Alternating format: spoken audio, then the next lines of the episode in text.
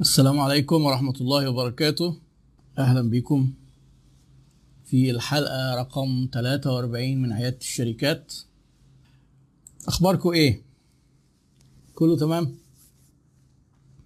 آه يعني إحنا إن شاء الله كالعادة برضو هنحاول كده إيه نغطي موضوع باختصار كده وبعدين نبدأ بقى نشوف ال- الأسئلة كنت حطيت أنا بوست كده عشان آه، تساعدوني في الاقتراحات ولقيت الحقيقة في يعني اتنين طلبوا إن إحنا نتكلم عن المنتجات الجديدة.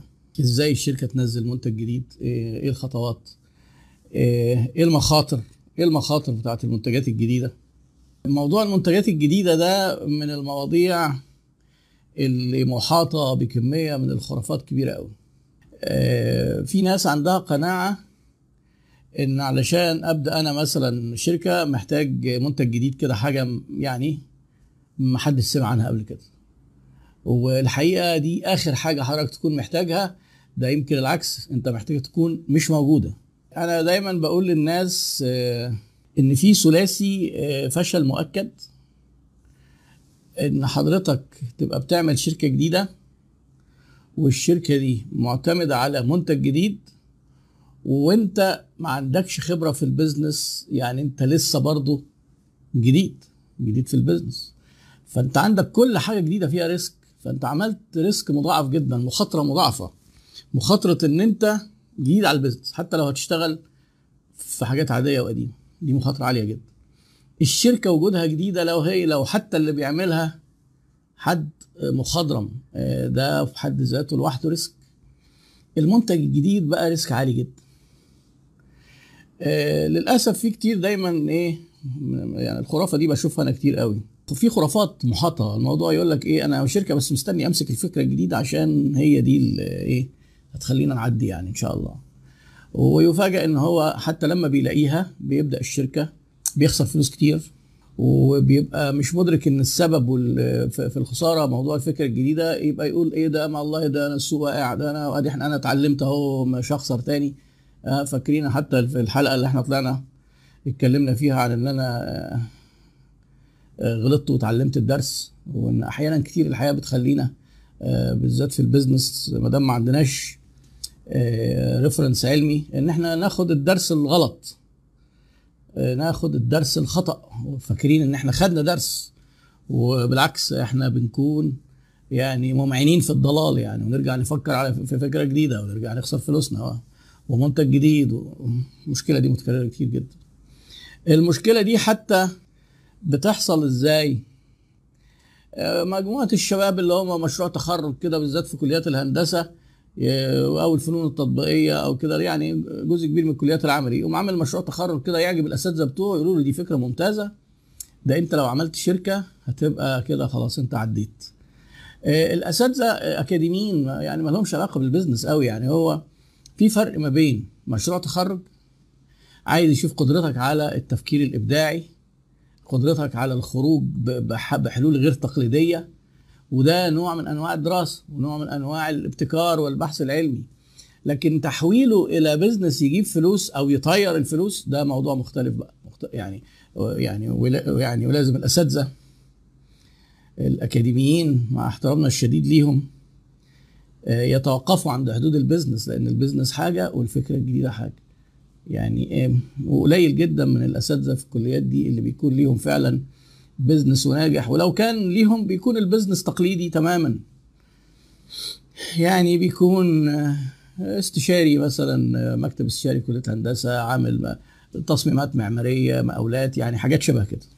طيب ليه هي ليه الموضوع فيه خطورة وإزاي نتجنب هذه الخطورة؟ آه، المنتجات الجديدة نسب فشلها حتى في شركات كبيرة وقديمة آه، أعلى من نسب نجاحها بكتير. طبعا في دراسات اتعملت كتير والنسب المئوية بتختلف أكتر نسبة متفائلة يعني واقفة في صف المنتجات الجديدة. وبتقول يا جماعة لا ده المخاطرة بتاعتها مش عالية ولا حاجة مش عالية ولا حاجة. طلعت نسب فشلها 70% يعني دي إيه؟ ده دراسات المتفائلة. وفي دراسات طلعتها 90% بتختلف بقى طبعا حسب الصناعة وحسب الدولة يعني الحاجات دي فيها رينج هنعرف إحنا إيه؟ هنتكلم بسرعة كده عن موضوعين يعني. إيه ليه المنتجات الجديدة بتفشل؟ ونعمل إيه علشان نقلل مخاطرة لو إحنا هننزل بمنتج جديد؟ لأن يعني برضو أحيانا بنبقى محتاجين نطور أحيانا بنلاقي حاجة ممكن يبقى فيه منها احتمال إنها تعود علينا بأرباح فما نجيش كده نقوم متحمسين. اللي بيحصل إيه عادة؟ حد شاف منتج عجبه هو شخصيا وممكن يكون خده جربه في البيت ده لأصحابه ده لاولاده جربوه. المنتج ده ما حدش يسمع عنه حاجة يقوم رايح مثلا لو هيستورده يقوم جايب كمية جامدة جدا. ليه؟ يقول لك بقى إيه ما أنا لما أجيب كمية صغيرة الناس هتقلدني فمش هلحق أكسب فأنا أجيب كمية كبيرة. إحنا هنتكلم عن خطوات كده إن إحنا إزاي إزاي نتعامل مع المنتجات الجديدة. هو ممكن بيبقوا 8 أو 9 خطوات. الخطوة التاسعة هي إن أنت تجيب كمية كبيرة. آه. الخطوة الأولى إن في فكرة فكرة منتج جديد كده. الخطوة التاسعة إنك تجيب بقى إيه إن يبقى عندك كمية كبيرة سواء تصنعها أو تستوردها. فالنقلة من واحد لتسعة هي اللي بتعلي المخاطرة جدا. أنا بقول للناس دايما حتى لما باجي أشرح الحتة دي في المحاضرات في خطوة عشرة. نقلتك من واحد لتسعة غالبا بتضطر تنط التسعة وتنزل على خطوة عشرة. الحاج طه بتاع الروبيكي ده شخصية حقيقية على فكرة. الحاج طه ده شخصية حقيقية ويعني وياما دفن منتجات ودفن معاه شركات. لأن الحاجات اللي هي ما بتتباعش دي واخدة مكان أحيانا في المخازن وقاعدين بندفع عليها إيجارات وبتكلفنا تكلفة. فبيجي الحاج طه إيه يبدو كده إن هو كأنه منقذ لكن الحاج طه بتاع الربابيكا ده مفيش حد بتاع الربابيكا منقذ. بتاع الربابيكا بيجي يقول لك إيه المخزن ده كله هناخده بكذا. ولو حاجة إيه بيسعرها بال بيسعرها بقى بإيه بسعر المادة الخام بتاعتها لو بلاستيك يقول لك آه بالكيلو بالطن. لو يعني حسب بقى لو أنت حاجة منتج معدني خلاص بيشيل بقى إيه ربابيكيا وما أدراك ما خسارة الربابيكيا يعني أنت جايب المنتج ولا جايب لك إيه حاطط كده شوية كم مئة ألف واخدهم آه من العيلة وفلوس اللي انت لو كنت حوشتها بتلاقي نفسك في الآخر طارت كلها. فدي عشان كده أنا لما جيت قلت في 20 خرافة بتدمر الشركات واحدة منهم آه هم تسع فيديوهات. اتفرجوا على الفيديو السادس. الفيديو السادس ده فيه خرافتين ظراف قوي. خرافة إن الكبير يبدأ كبير وخرافة إن إحنا محتاجين فكرة جديدة أو منتج جديد. طيب ليه بنخسر؟ ليه المنتج الجديد فيه فيه ريسك عالي جدا؟ المنتج الجديد انت بتفقد ميزة ما انتش حاسس بقيمتها. بتفقد ميزة ان في منافس بتقيس نفسك عليه. المنافس اللي نجح ده ده نعمة من عند ربنا. ان انت تقيس نفسك وتشوف منافس ناجح عامل الحاجة وتحاول تدي كده إيه قيمة عنه. فما دام في منافس موجود وناجح يبقى في عملاء يبقى في سوق يبقى في ليك مكان. ممكن.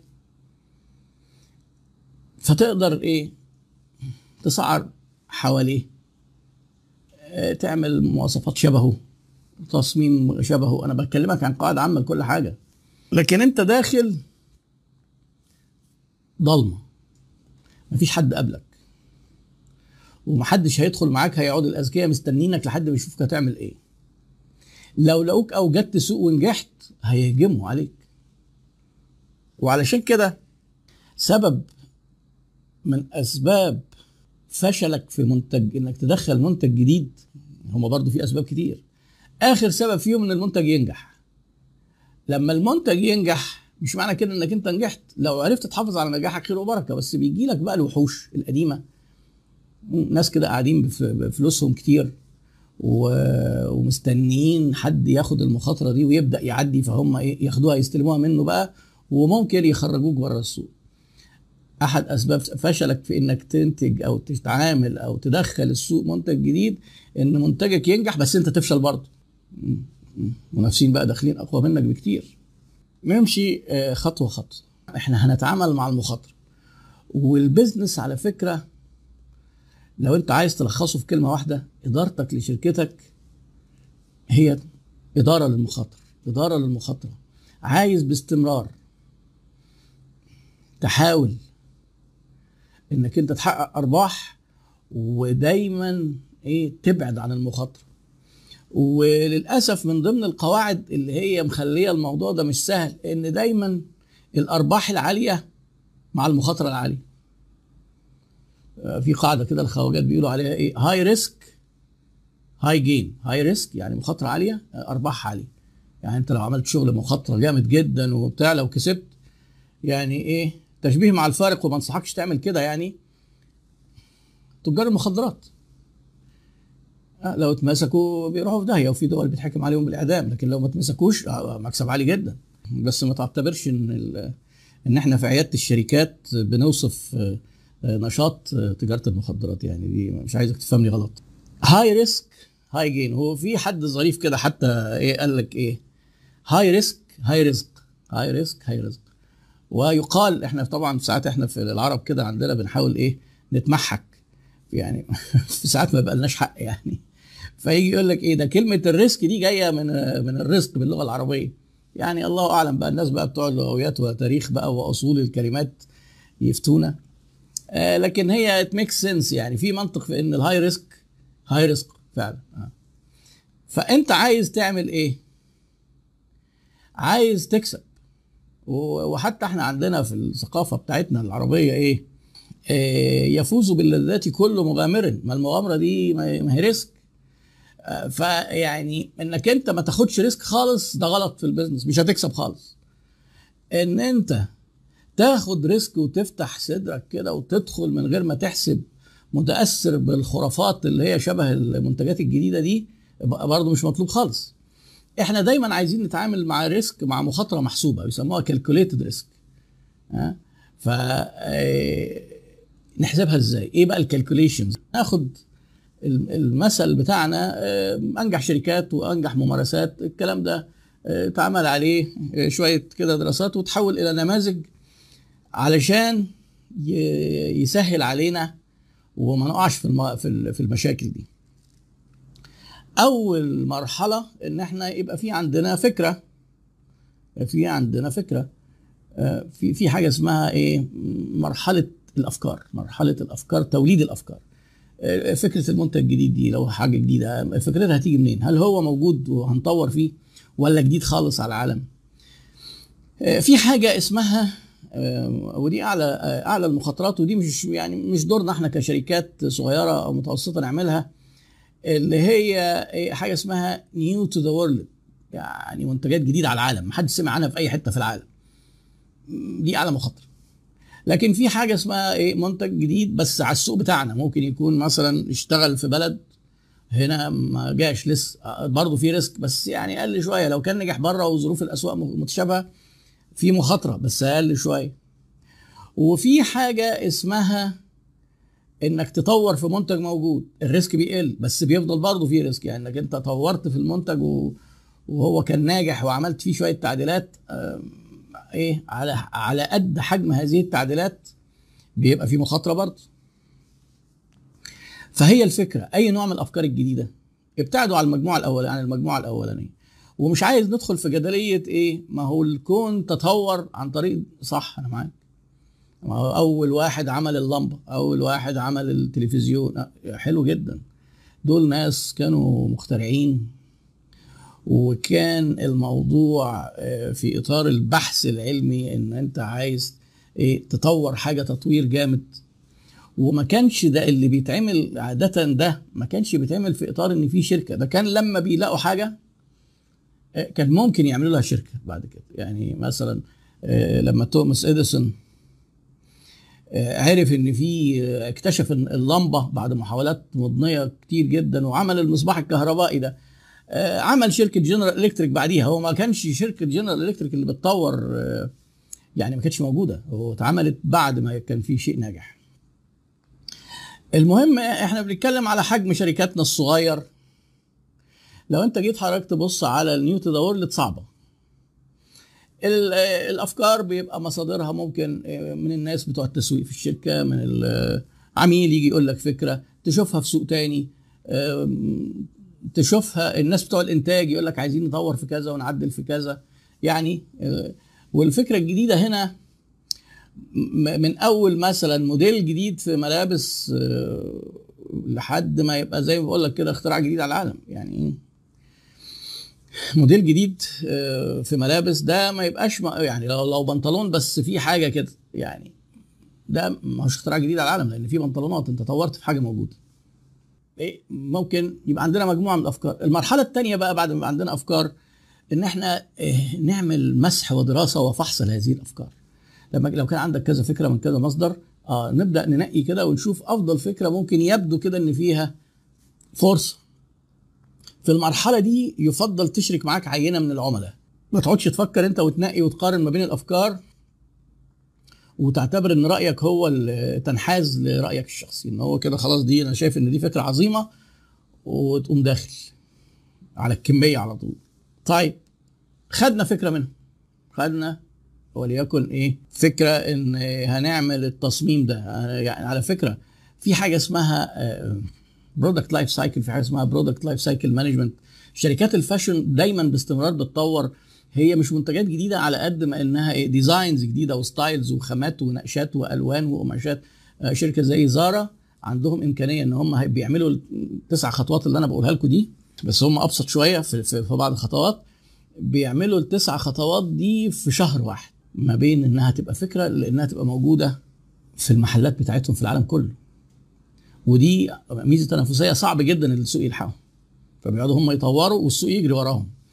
فإحنا برضو مش عايزين دايما التوازن. ما تفهمش من الكلام ده أنا بقول لك اقعد بقى إيه في الخطوات دي شهور وسنين. لا ممكن أنت تحاول تمتلك النو هاو إنك تقدر تعملها بسرعة. بعد ما تشرك الناس وتطلع الفكرة المقبولة منهم محتاج تعمل طبعا بقى لو أنت لو الفكرة دي جهاز مثلا. في حاجة اسمها proof of concept يعني الشباب في مصر والمهندسين والناس بتوع الأجهزة الطبية اللي هم حاولوا يعملوا اجهزه ventilator بسبب الزنقة بتاعت كورونا دي. proof of concept هو إيه؟ إن أنت في عندك شوية تصميمات وحاجات على الورق إن أنت تقعد تجمع المكونات دي مع بعض وتشغلها فتلاقيها تشتغل تعمل الوظيفة. مش لازم حتى تبقى متجمعة في جسم كده جهاز زي ال ventilator لا ده ممكن تبقى حاجات كده متربطة بخراطيم وسلاك سلوك على على ترابيزه وبعدين إيه تشغلها. المفروض إن في مثلا pump تشتغل تلاقي ال pump اشتغلت. آه في دايرة تانية معرفش شفط بتشفط دايرة pump إيه بت- بتعمل. فتعمل أنت proof of concept إن بدأ المفهوم ده نثبت إن هو آه شغال. دي المرحلة الثالثه المرحلة الرابعة حاجة اسمها prototype prototype ال prototype ده عينة بس عينة شغالة بالمواصفات بقى بالشكل اللي اللي المفروض. العميل هيشوفه. proof of concept أنت ممكن تبقى حاجة هتبقى صغيرة كده أنت تقوم عاملها كبيرة بس تبقى شغالة عشان تثبت المبدأ يعني. آه ال prototype لا دي حاجة شبه المنتج بقى. آه في ال software آه بيسموه beta version. ال prototype ده فايدته إيه؟ فايدته إن يتعمل عليه testing ونحاول نشغله في ظروف شبه اللي المستخدمين أو العملاء هيشتغلوا بيه ونشوف هينجح ولا لأ. عينة يعني prototype بتاع الموبايل. يعني لما ستيف جوبز عملوا ال iPhone عملوا prototypes وادوها لمهندسين عندهم يختبروها وادوها العينه من العملاء بره يختبروها. وطبعا ونوكيا كانوا نايمين بيشخروا. قال لك إيه؟ خليهم يتسلوا. إحنا ده إحنا market leader ودول كانوا بتوع كمبيوتر زمان. وكانوا قربوا يفلسوا. وبعدين قاموا جايبين كده حاجة اسمها iPod كده بتاع MP3 player ده. هيروحوا فين في الموبايل دول؟ آه الله يرحمهم بقى. فالمهم إيه؟ ال prototype ده بيت... لازم يتعمل له testing ال testing إحنا دايما بنسمع عن ال beta version يقول لك ده بيتا اللي يعني إيه؟ في مرحلة ال beta testing ال beta ده البيتا ده حرف من حروف اللغة اللاتينية. ده تاني حرف. في قبليه حرف اسمه ألفا.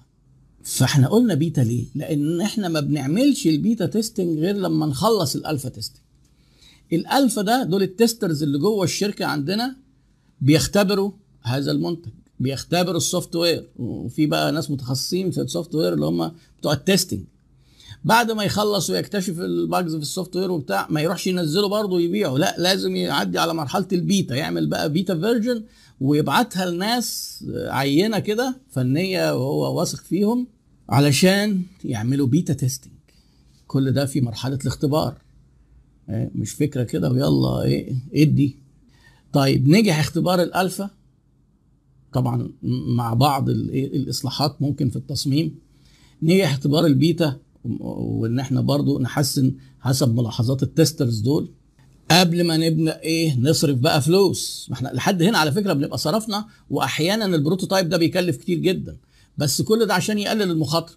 يعني تخيل أنت مثلا لو أنت هتعمل جهاز prototype من ال ventilator ده. أنت ممكن لما تيجي تنتج جهاز التنفس الصناعي الواحد مثلا say مثلا هيكلفك 20 30 ألف جنيه. ال prototype ده ممكن يكلفك 200 ألف جنيه.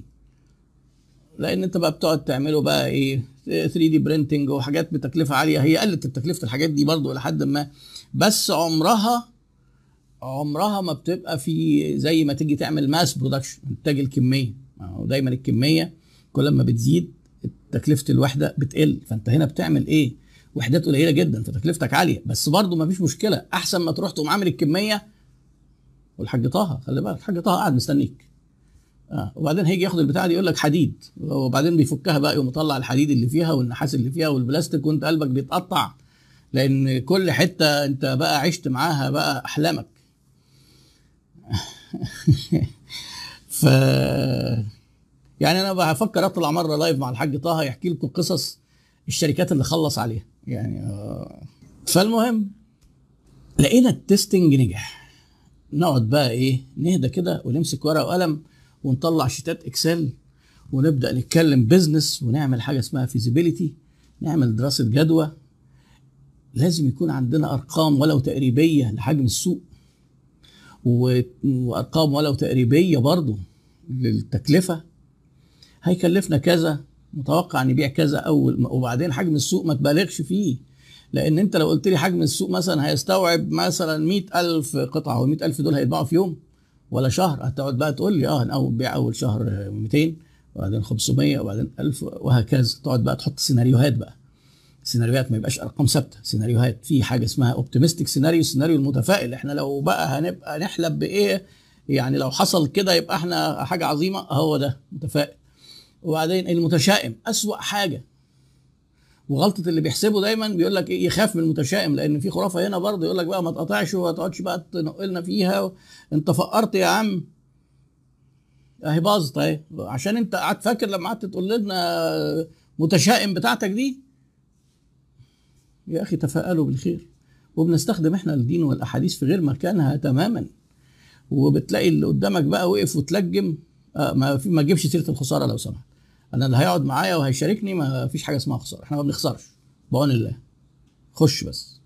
وبعد كده يقول لك هو أنا بقى مغسل وضامن جنة؟ وإحنا مش كنا مش كنا متكلين على الله. هو طبعا ده ما كانش فيه توكل ولا حاجة. ده, ده هبد.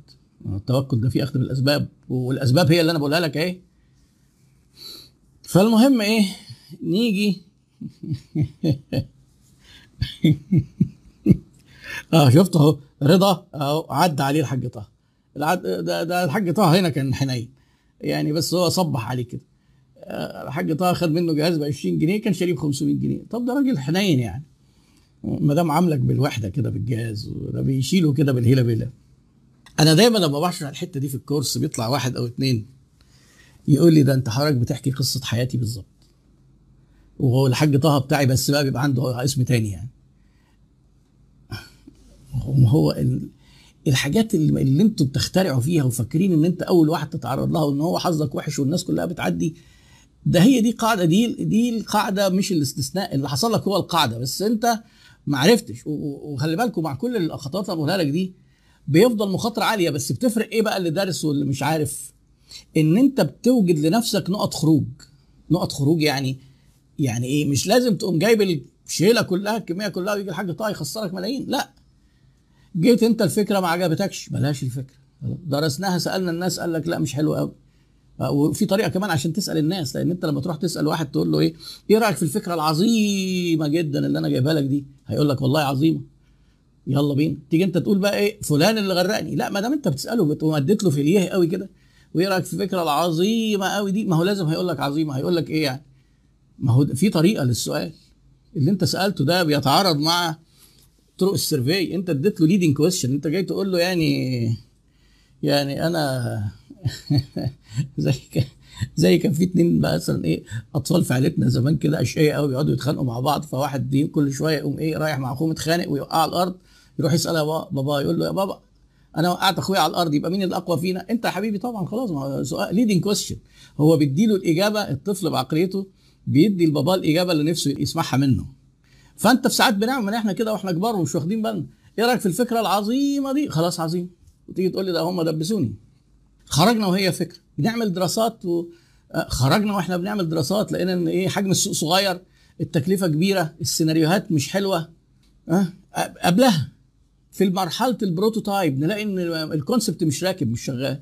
مرحلة ال beta testing في مشاكل وتكلفتها عشان تتحل مشكلة. أيوه. يعني أنا رأيي فعلا إنك أنت بدل لما تيجي تعمل فكرة زي دي تتصل بالحاج طه. تقول له جاهز يا حاج طه؟ أنا داخل. جاهز؟ يقول لك جاهز. عايز تخسر كام؟ خلاص تجهز نفسك. ويبقى حاج طه قاعد مستنيك. فإيه؟ بنحط نقط خروج. بنقلل مخاطرتنا. ما بتوصلش للصفر بس أنت خسارتك بتقل. بتبقى خسران أقل. ولازم تبقى مبني الكلام ده في البداية على إن في مخاطرة أساسا مخاطره جامدة وتبقى عارف إن أنت داخل على شيء خطير. مش داخل على إنك أنت هتعدي كده. ما أشوف بيل جيتس عدى إزاي. شوف الواد بتاع فيسبوك عدى. هو ما كانت فكرة جديدة وعدت. آه. سبب الخرافة الناس دول على فكرة. دايما قاعدين منورين لنا لمض كده. حاجة جديدة نجحت حاجة جديدة نجحت. طب واللي فشل؟ ما بنسمعش عنه. فاحنا مضللين. system 1 بقى العقل اللاواعي بتاعنا بياخد الحاجات دي ويقوم جاي مطلع لك كده قاعدة. ما دام الواتساب كان فكرة جديدة واتباع ب 19 مليار وما دام الفيسبوك ما أعرفش إيه وما ده ما هم دول اللي فضلوا عايشين على قيد الحياة. بس انت ما سمعتش عن اللي طيروا مئات الملايين والمليارات وفشلوا. إحنا ما بنسمعش عنهم. فبنقعد دايما مضللين بفكرة إن ما دام ده جديد ونجح يبقى كل جديد ناجح. ودي من ال fallacies of logic اللي هي في في مغالطات منطقية. ليس كل جديد ينجح. لأن في جديد ناجح. لا عايز أنت تقول لي كل جديد ناجح يبقى لازم تشوف كل جديد اتعمل. تشوف كام في المية نجح وكام في المية فشل هتلاقي إيه بقى؟ الناجح يمكن 1% 99 فاشل. بس أنت ما سمعتش عن 99 سمعت عن الواحد فتقعد أنت تطلع لي قاعدة بقى من الواحد في المية. غلط. ده اللي بيخلي الخرافة بتنتشر. فالمهم إيه؟ تيجي أنت حضرتك تمسك الورقة والقلم وتعمل السيناريوهات وتشوف هل أنت تقدر تتحمل أسوأ سيناريو ولا لأ. وأسوأ سيناريو ده محتاج يبقى أنت معاك مثلا reserve قد إيه احتياطي عشان تقعد شغال. وتحط في وسط مصاريفك المتوقعة إن المنتج الجديد ده من ضمن التحديات جامدة جدا فيه إن محدش يعرفه. فعشان تعرف الناس ويبدأوا يطلبوه محتاج مصاريف جامدة جدا. خلي بالك.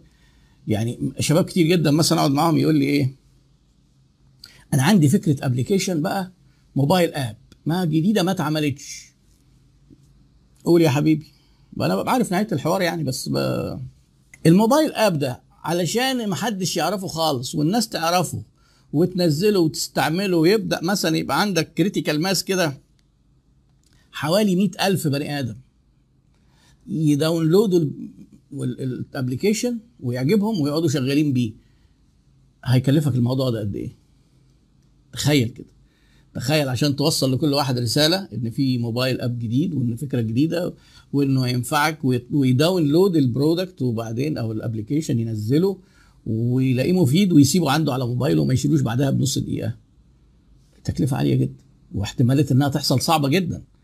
فاللي دايما بيفكروا في mobile app فظيع وهيكسر الدنيا لا راجع نفسك. واحدة واحدة. إيه ده وامشي واحدة واحدة لأن إيه خرافة فيها سم قاتل. فاكرين العربي الفيلم العربي القديم اللي كان بيقول لك اللي خد الدواء ده احذر وفيه سم قاتل؟ أهي موجوده أهي. لقينا الدراسات مشيت. فإحنا عندنا كام خطوة لحد دلوقتي؟ ideas عملنا screening للأفكار فحص للأفكار. عملنا proof of concept عملنا prototype عملنا business strategies وهنبيع إزاي هنبيع غالي هنبيع رخيص هنتميز بإيه وهنفيد الناس بإيه فالسعر هيبقى كام وحجم نتخيل حجم السوق. وعملنا feasibility study يعني قعدنا ندرس كده بقى في الخطوة السادسه هنكسب قد إيه ولقينا إنها ماشية وشغالة. ندخل على الخطوة السابعة نبدأ نرتب نفسنا ونحط plan للإنتاج بس plan مرحلية. يعني إيه؟ ما تجيش تنتج لي كل الكمية اللي أنت متخيل إن السوق هيستخدمها في السيناريو المتفائل. لا طبعا. اعمل شوية قليلين و test السوق إيه؟ تجهز نفسك للإنتاج وبعدين تعمل حاجة اسمها test marketing test marketing دي يعني إن أنت شوية قليلين وتنزلهم في منطقة وتشوف أخبار الناس إيه وردود الأفعال وتقبلوا الموضوع. الخطوه التاسعة بقى بتاعت الايه؟ ال commercialization يبقى انك انت تقوم جاي عامل mass production دي في الآخر خالص. واوعى توصل للخطوة العشره بتاعت الحاج طه. لو نطيتها من واحد لتسعة هتقع في عشرة. يعني ده أكيد. طيب أنا لو عملت ده كله وصلت لتسعة خلاص كده أنا يعني حاج طه أنا كده في مأمن؟ لا ما انتش في مأمن برضه. برضه ما انتش ما ريسك هو هاي إحنا بنقلل المخاطرة بقدر الإمكان. ما تجيش تقول لي طب خلاص حلو قوي دي إحنا عرفناها واللايف ده فادني جدا. أنا بقى هعمل التسع خطوات وأنا كده كده إيه؟ ناجح. لا. مش هتنجح مش هيبقى نسب النجاح عالية زي ما أنت متخيل. هي المخاطرة هتقل لأنك هتعرف تهرب وتخرج. بس ممكن رجلك تيجي في الآخر وبرضه تخسر. هي دي النقطة. يعني إيه؟ طيب. إحنا قلنا بتخسر ليه؟ لأن مفيش منافس. الأسباب أسباب ليه, ليه المنتجات الجديدة بتفشل؟